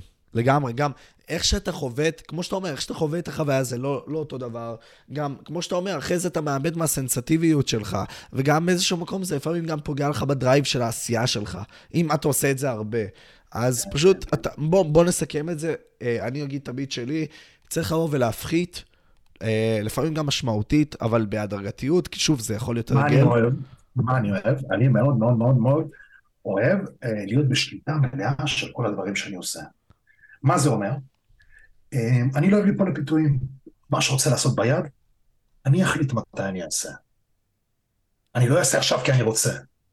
אני אעשה מתי שיבוא לי באמת, בלי הדחף, אותו דבר, ל junk food. אני עכשיו מתפתה לאכול, בכוונה אני לא אוכל עכשיו. אני אוכל מתי שאני אקבע לעצמי שבסדר לי לאכול. סיגריה, אני יכול לעשן סיגריה אחת ולא לעשן חודש. לעשן שתי סיגריות, לא לעשן שבועיים. אני מחליט מתי אני רוצה, ואף פעם הדחף הוא לא זה, סקס אותו דבר. היום אני רוצה, מחר אני לא רוצה. אני מאוד מאוד מאוד מאוד בקטע הזה חזק מאוד בהתפתחות. אני תמיד רוצה שיהיה לי שליטה על כל מה שאני עושה בכל דבר כזה או אפשרי. וואו, אני חייב להגיע הבית, להספיק לראות את הפרק. לא, זה לא, זה לא, זה לא שולט עליי. אני אגיע מתי שאני רוצה, אני אראה את הפרק מתי שאני רוצה. אני לא לחוץ על שום דבר. זה לא, זה לא מקדם אותי למטרה, ובמקום מסוים אתה רוצה להגיע למטרה שלך ולנצח. אז איך אתה באמת שומר על המטרה? כי, תשמע, אתה מדבר איתי פה על מטרות. כל הדברים שאני מספר לך פה זה דברים מאוד מאוד חשובים, זה דחיית סיפוקים. סופר חשוב. יש לך להתאמן. אתה יכול להתפתות עכשיו פה לאכול, אתה יכול להתפתות לצאת, אתה יכול להתפתות ללכת עם בחורה לדייט. אנחנו דוחים את כל הסיפוקים האלה לשנות אימון, ואחרי האימון יהיה לי את הדייט. זה מה שאני אומר, התחיית סיפוקים בשבילי זה הדבר הכי חשוב. אני רוצה, מה זה רוצה? ברוב התחומים שלי בחיים יש לי שליטה מלאה על מה שאני עושה. ועוד דבר, אה, למה קורה הדבר, הרצון העז הזה לאיזשהו עונג ואיזשהו סיפוק? אותו דבר, הכל קורה במוח עם אלקטרודות שמפרשות דופמין. דופמין זה neurotransmitter שגורם לנו לסיפוק, למוטיבציה ל drive, להתקדמות, לרעב, ללהצליח. אבל לפעמים הוא מושג בדרך קלה, לפעמים הוא מושג בדרך קשה. אם אתה רוצה באמת להשתמש בדופמין כדרך להצליח בחיים, אתה צריך להסתכל על הדופמין שהוא ניתן קשה להשגה. שזה אומר שזה להתאמן, שזה לשמור על תזונה, דופמין שהוא קל להשגה זה כאן ועכשיו, זה סקס, זה סיגריות, זה נטפליקס, זה מוזיקה, זה קפה, זה סמים. ככל שאתה משתמש בדופמין קל להשגה בתדירות גבוהה יותר, אתה מאבד את הרגישות, פלוס יש לנו רמה קבועה של דופמין בגוף, וככל שאנחנו משתמשים במשהו שנותן לנו דופמין כאן ועכשיו, כאן, בלי עבודה קשה, יש לנו spike של דופמין ואז ירידה מתחת לרמה הקבועה שלנו. פה שיש לנו ירידה ויש לנו חוסר רגישות לדופמין, גם מתחילים כל הבעיות של הדיכאון והחוסר מוטיבציה. אוקיי. ותשמע, קודם כל רואים שאתה רואה את יוברמן, נתחיל מזה. דבר שני, אה, זה מוביל אותי ל dopamine detox באיזשהו מקום. אתה התעסקת עם זה? וכאילו, מה רצית להגיד גם? אה, אני, אני לא צריך לעשות dopamine detox, אני פשוט שומר על אה, דופמין, אה, איך קוראים לזה? רגישות לדופמין. אני לא זורק אה, שימוש בדופמין ואני לא עושה dopamine stacking. מה זה אומר דופמין סטאקינג למי שלא מכיר? גם detox, בוא, בוא נגיד את זה, זה פשוט לבוא ולרדת מכל ההנאות האלה, הספורט. מה זה dopamine stacking? ברגע שיש כמה דברים שגורמים לך להפרשה של דופמין, ביחד הם עובדים יותר חזק. לדוגמה, כל מי שמתאמן יודע שלהשים מוזיקה, איכשהו דופמין משפר את הריכוז שלנו ואת האיכות שלנו של הדברים שאנחנו עושים, ונותן לנו מוטיבציה להמשיך. אנחנו עושים מוזיקה, פתאום כיף לנו יותר להתאמן. למה? כי אנחנו שילבנו שתי דברים שגורמים לנו להפרשה של דופמין. מוזיקה ופעילות גופנית. אם על זה אנחנו עושים גם קפאין, אז אנחנו משלמים שלוש דברים של דופמין. ככל שאתה משלב יותר דופמין, ככה הקפיצה יותר גבוהה והנפילה יותר חזקה. אז רצו לאזן את זה. רצו לפעמים ללכת בלי מוזיקה, רצו בלי קפה לפעמים, אתה מבין? ויש דבר כזה שנקרא אה, dopamine momentum, שבמהלך היום יש לך peak מסוים של דופמין שאתה יכול להשתמש בו ולהשתמש בו בצורה הכי טובה, ואחריו כבר אין לך דבר כזה. באותו רגע אפשר לעשות dopamine stacking כדי להביא את היכולת שלך לפרוץ גבולות, מה שנקרא, אני שומר את זה לאימון. אם, ואני אעשה משהו כזה לפני האימון, אני נגיד אשתה קפה, תוך כדי שאני אשמע מוזיקה, ואני מתרכז באיזשהו כתיבה של איזה מאמר מאוד מעמיק, הריכוז המנטלי שלי ירד ואני לא אצליח להפיק את המקסימום שלי כבר באימון. אז כל מה שאני עושה, נגיד את האירובי בבוקר, אני עושה בלי מוזיקה. אם אני נגיד שוטף כלים ומכין אוכל, אני לא שם במקביל גם מוזיקה. אני מפוקס על פי הכוחות של עצמי.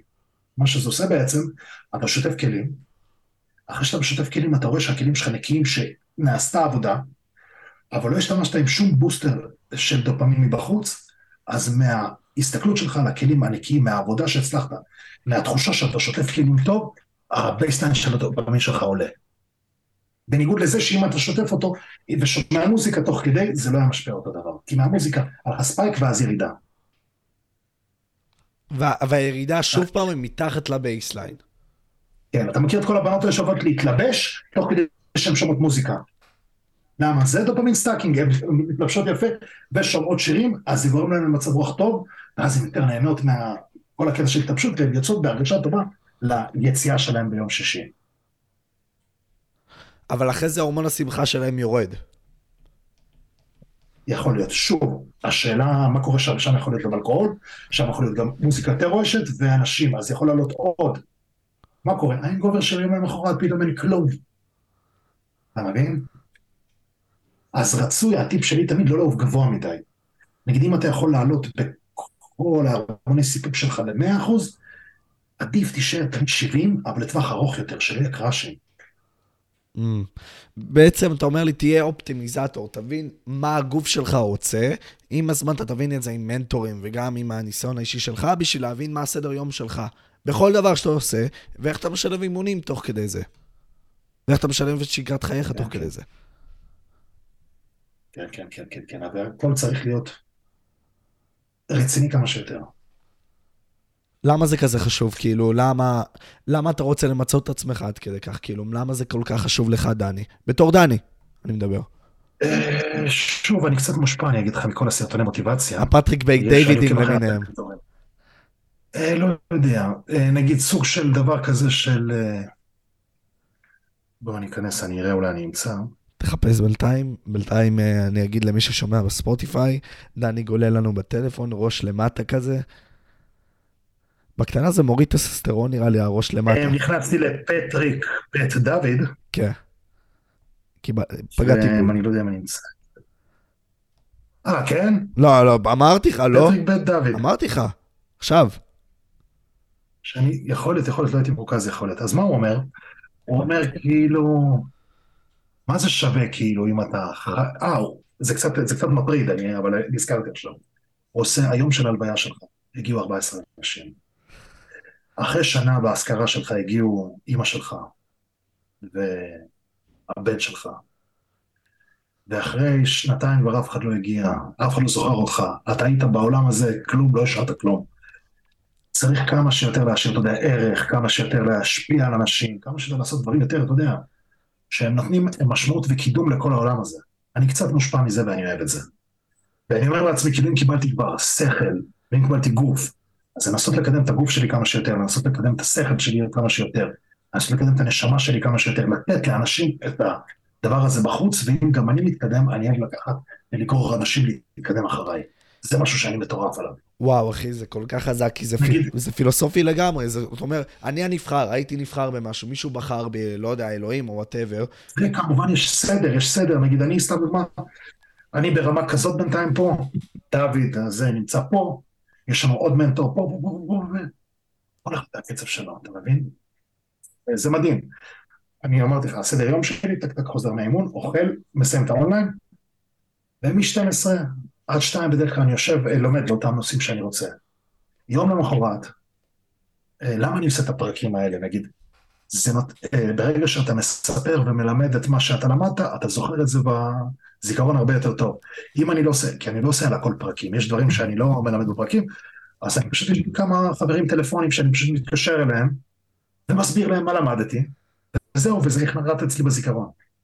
קוראים לזה הפיינמן מפד באיזשהו מקום. אתה מסביר לבן אדם את מה למדת, ובכך אתה... אתה הופך, זהו, זה נחרט לך בזיכרון. היופי בפודקאסטים, זה משהו שאני עליתי עליו, זה שאתה לומד לבן אדם מסוים, סתם דוגמה, אתה מעשיר את הידע שלך, ותוך כדי אתה מיישם אותו בשיחה. אז גם אתה מייעל את זה לתוכן, וגם אתה תוך כדי פשוט נותן ערך, וזהו, כאילו, גם יש פה שיחה על בסיס זה. שזה מגניב. אבל, אבל שוב, נחזור לעניין הזה. אלוהים בחר בך להיות הנבחר במשהו, אתה צריך להיות בו הכי טוב. למה? כי אתה גם ככה חי, ואתה צריך לחיות פה לעוד הרבה מאוד שנים. מי שרוצה להתפלסף יכול להתפלסף, ופשוט צריך להיות הכי טוב. ופשוט תהיו הכי טובים. אני, תראה, אני, אני מאמין גם בסימנים שאתה מקבל מלמעלה. אמ, לא סתם קרה שזכיתי פה, ולא סתם קרה שזכיתי שם, ולא סתם קרה שנחשפתי לאנשים האלה ולפה וקיבלתי את ההצעה הזאת, אני נוסע בכיוון שהדרך שלי סלולה טוב, זאת אומרת שאני צריך להמשיך שם. אני נגד אנשים שעושים משהו שהם לא נועדו אליו. ברגע שאני מרגיש, ברגע שאתה נועדת למשהו, הדרך אומנם תהיה קצת מחוספסת, אבל היא תהיה ישרה וטובה. אתה תרגיש את זה. נגיד, אני לא אהיה שחקן כדורסל הכי מצליח שיש. זה לא דיבר אליי. אם זה היה שלי, אז מהפעם הראשונה שהייתי משחק בכדור, הייתי כבר מרגיש את זה. איך זה בא לידי ביטוי בדוגמה שלי לפיתוח גוף? אני מגיל 4-5, היה לאבא שלי משקולות בבית, הוא קנה אותם מתאמן כמה פעמים והשאיר. תמיד הייתי מגיע אליהם ומנסה להרים. תמיד, תמיד, תמיד, תמיד בסדרות ובסרטונים הייתי רואה את הגיבור של אותו סרט שהוא השריד והייתי רוצה להיות כמוהו. בתת מודע זה תמיד ישב לי, לא ידעתי פשוט איך להגיע לזה. וואו. אה, כשהייתי ילד, נגיד אם הייתי רואה למישהו שריר, תביא לגעת. אתה מבין? העולם הזה משך אותי לשם איכשהו עד שפרצתי. לדוגמה, נגיד סתם דוגמה, יש אנשים שהם אה, אה, מרוץ רכבים, גולף, שחמט, אז אה, לפעמים תהיו אה, ערניים לגבי המסרים ששולחים לכם. אם נגיד הייתי אמור להיות השחקן הכי טוב בכדורסל, אז היה לי אינסטינקטים של לקפוץ, היה לי אינסטינקטים של, אתה יודע, לגעת בכדור. ניסיתי לגעת בכדור, גם כדורסל, גם כדור, גרוע לגמרי, לא מתחבר. לגמרי, אחי, כאילו זה, בעצם אתה אומר לי, תבין מי אתה נגד העולם. הייתי גם הלכתי לחוג ג'ודו, והלכתי כן. לפה ולשם, ולא לא אהבתי.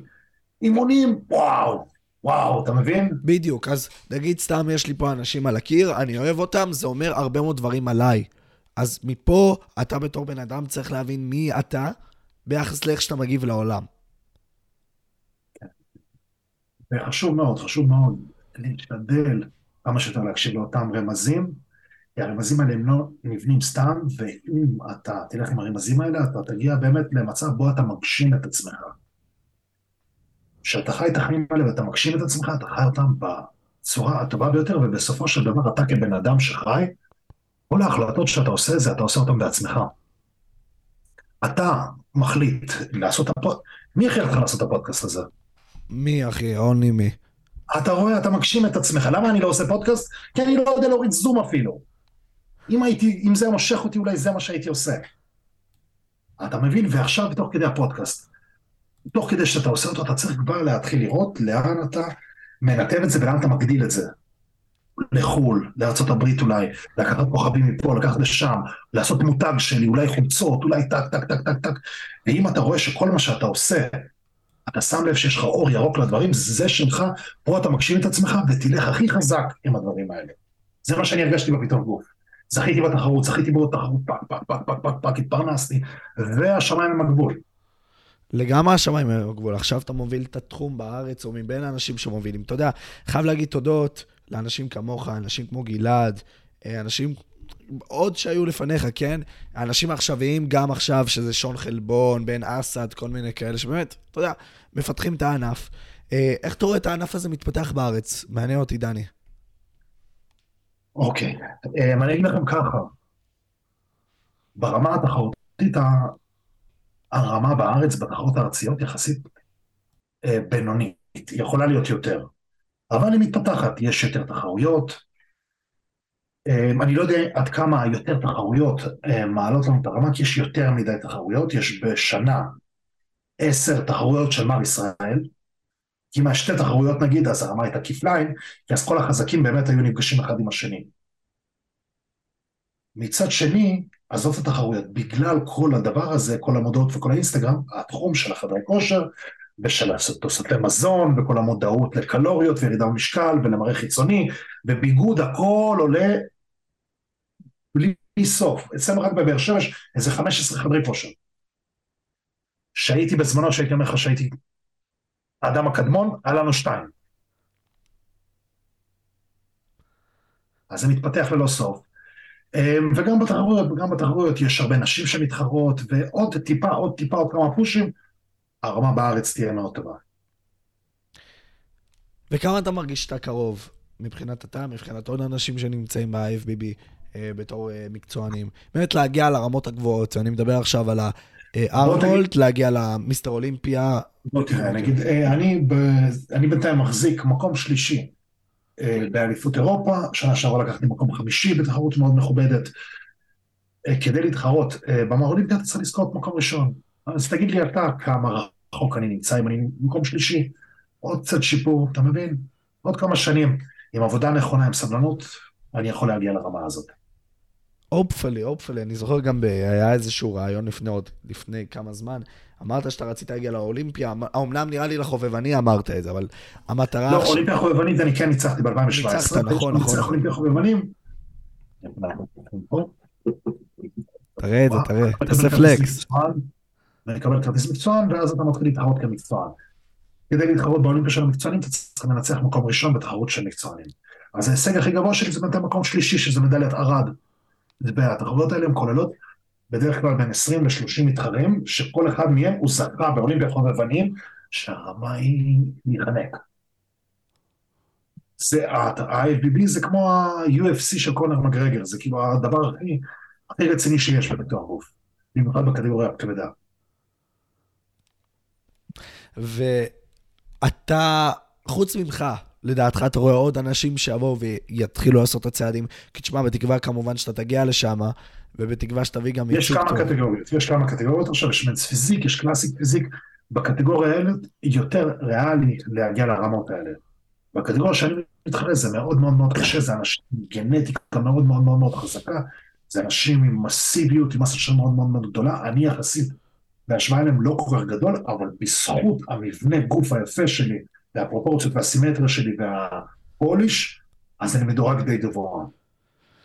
יש את התעדוף הזה של מס מונסטר, אז אין מה לעשות. מאז אה, עידן רוני קולמן וכל מיני כאלה. האם חשבת לעלות עוד יותר במשקל בצורה כזאת בשביל להתחרות כנגדם? אה, זה שיקול. תראה, אני יכול לעלות יותר במשקל, השאלה אם זה יראה טוב.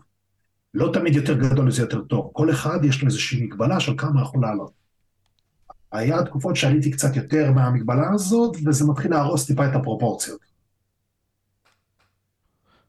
אז אתה מרגיש עכשיו שאתה מאוד אופטימלי מבחינת איך שאתה נראה כן, ביחס. בשביל שאני אעלה אה, בדירוגים ממקום שלישי למקום ראשון, אני צריך להוסיף קצת באזורים חלשים, וזה מה שיעשה את העבודה. מסה כללית, זה לא מה ש... כאילו, יותר מסה מחורבשת, זה לא מה שיעזור. אבל אתה לא מכוון ספציפית לאנשהו, זה אומר, כאילו, מה זאת אומרת בחלקים ספציפיים? אין דבר כזה להוריד באיזשהו מקום שומן או משהו בסגנון הזה. לא. תסביר לצופים. לא, שומן, בתחרות שומן אתה תוריד את כל השומן שיש לך. כאילו, לא, נגיד אצלי הייתי רוצה להוסיף עוד קצת כתפיים וקצת ידיים. תוספת קטנה של זה וזה, יתרמו לנו מאוד מאוד, יתרמו לי מאוד בעלייה במקומות, להבדיל שהרגליים שלי גדולות, אם אני אוסיף עוד רגליים זה לא כל כך יועיל לי. עכשיו מבחינת... כן. מחפשים בתחרות פיתוח גוף אה, תמונה שלמה. כמה שפחות חסרונות. נגיד הרגליים שלי זה יתרון, אם הן יהיו יותר גדולות זה לא בהכרח יוסיף. זה רק ידגיש את השרירים חלשים. אז השרירים שהם פחות מפותחים, שזה ידיים כתפיים, עדיף אני נותן עליהם דגש, ככה זה מה שיקדם אותי. עכשיו נדבר על דבר, אה, מבין הדברים האחרונים זה, אתה יודע, סטרואידים. כאילו, זה, זה הדבר תמיד מתבקש לבוא ולדבר עליו כשמדברים על פיתוח גוף. אה, אתה נגיד סתם הסרטונים שלך פחות מתעסק עם זה, או מדבר על זה, נראה לי, זה לפחות ממה שיצא. כן, כן. מה זה סטרואידים? זה נגזרות. זה תרופות אה, מסוג הורמון גברי. ברפואה משתמשים בזה לאנשים שיש להם אה, בעיה של ייצור אותו טסטסטרון טבעי, אז נותנים להם את זה. הספורטאים לקחו את התועלת של זה לספורט. שוב, הדברים האלה יש להם אין ספור תופעות לוואי, זה אחריות גדולה מדי, ש... ואם אני בסמכות שלי אדבר על משהו כזה, אני לא רוצה אפילו שאנשים ידעו שיש דבר כזה, כי אני לא ממליץ לאף אחד להשתמש בשום דבר כזה או אחר. אני לא רוצה להעלות לאנשים אפילו רעיונות, אתה מבין? אני תמיד ממליץ על אימונים ככה, על תזונה, על כל הדברים שיכולים לקדם אותך לפן החיובי, לפן הבריאותי, כמה שיותר. אני לא רוצה שילד בן 16 יסתכל ואפילו תמים שלא יודע כלום, שאני אגיד לו טסטסטרון, יריץ בגוגל, אולי ירצה להשיג, אולי, אתה מבין? לא רוצה שיגיע דבר כזה. עכשיו, הבן אדם שהוא, בוא נגיד ככה casual, יסתכל עליך, יגיד, אתה טבעי, לא טבעי, איך זה עובד, כאילו... מי שמבין יודע, ומי שלא מבין, לא חשוב. מובן. כי... אמ, אני לא אומר לכולם מה מומי, כי מי שלא יודע, למה לתת לו אסוציאציות? אמ, ולמה לתת לו רעיונות? אולי יחשוב שזה הדרך להיות כמוני וזה לא. אתה מבין? כל אחד יודע מה שהוא יודע. ואני מלמד את מה שאני בטוח בו, שרע הוא לא יעשה. ונגיד כשאנשים מקצוענים נכנסים לאותן תחרויות, אה, ראינו את רוני קולמן, אבל זה כנגזרת מתוך האימונים האינטנסיביים שלו והכל. מה באמת הדברים הרעים שאתה רואה מה-Human Growth Hormone, מה-TRT, מכל מיני כאלה? אה, דבר ראשון, אותם חומרים, הם דוחפים אותנו אה, לקצה גבול היכולת שלנו. קצה גבול היכולת שלנו, שחיקת מערכות. דבר שני, לכל התרופות האלה יש תופעות לוואי, שהם פוגעים לנו באיברים פנימיים, שהם פוגעים לנו אה, בבדיקות דם. לאותן אה, תרופות יש גם, ככל שאתה מעמיס על הגוף שלך חזק יותר, ההאצה שלך בהזדקנות של כל המערכות גודלת יותר. אין שום דבר טוב בזה שאתה משתמש בדברים האלה. וככל שאתה משתמש בהם יותר ויותר זמן, אז התופעות לוואי רק מחמירות ככה והלאה. אה, גוף נשאר בריא ברגע שאתה שומר עליו באזור שבטבע אה, אתה יכול לתחזק את מה שהוא קורה. במשקל של איך שומר אותו בטבע, בכוח שנשאר אותו בטבע, אף אחד אה, כבן אדם הוא לא בריא לו להיות סטרונג מן, או שאיש שרירים 120 קילו, או שרץ ספרינטים של 7 שניות, אתה מבין? זה הרבה יותר ממה שהגוף שלך יכול לסחוב. וכשאתה מבקש מהגוף שלך לקבל תוצאה כזאת שמאוד מאוד מאוד קשה לו, אתה מכריח וכופה עליו, זה עולה מחיר. ואז יש דוגמאות היסטוריות, כמו נגיד סתם, מפתח הגוף הגרמני הזה, שהלב שלו בא וגדל, אני לא זוכר מה השם שלו, היה אחוז, עם אחוז שומן של איזה 3 אחוז או 4 אחוז. כן, כן, והוא קיבל קריסת... שוב, אה, כל מה שהוא לקח, הוסיף המון למה שהוא לקח, אבל זה גם בא עם רקע של, אתה יודע, גנטיקה, כל אחד, נגיד, בן אדם אחר היה עושה את אותו דבר, אולי הוא היה מת בגיל 70. בן אדם היה עושה אותו דבר, אולי היה מת בגיל 20, אתה מבין? זה גם עניין של גנטיקה. גם ריץ' פיאנה על אותו כן, עיקרון. כל הדברים האלה שהוא עושה, כן מזרזים וחותכים לו מהתוחלת חיים. כן. אותי נגיד סתם, מה שהכניס אותי לכל הדבר הזה, זה המוות של ריץ' פיאנה, שהוא גם היה כאילו הבן אדם... ריץ' פיאנה, אני נפגשתי איתו כמה פעמים במציאות גם. וואלה, עם ריץ' פיאנה, אוקיי, יש לך סיפור? אה, יש לי תמונות איתו אפילו ביחד פה באינסטגרם, הוא עוקב אחרי באינסטגרם. עקב. עוקב, הוא... אוקיי, אוקיי, אוקיי. הבנתי. איך הבן אדם עצמו? כאילו, היה. אה, סבבה לגמרי, אחלה, הייתי אחרי תחרות. אה, היה בבריטניה שם, בחמש אחוז שלו וזה. עשינו כמה תמונות, עשיתי איתו סרטון, הוא גם הביא לי, אה, אמרתי לו, אני, הוא עושה לי מה, מה איתך וזה, התחשב, הביא לי כמה מנות אפילו של ברוקולי חזה עוף לטיסה חזור. נחמד. ותשמע, אה, אני כאילו מעוניין לשאול, אתה יודע, בצד היותר פרסונלי של דני קגנוביץ', סבבה, דיברנו על כל הדברים האלה.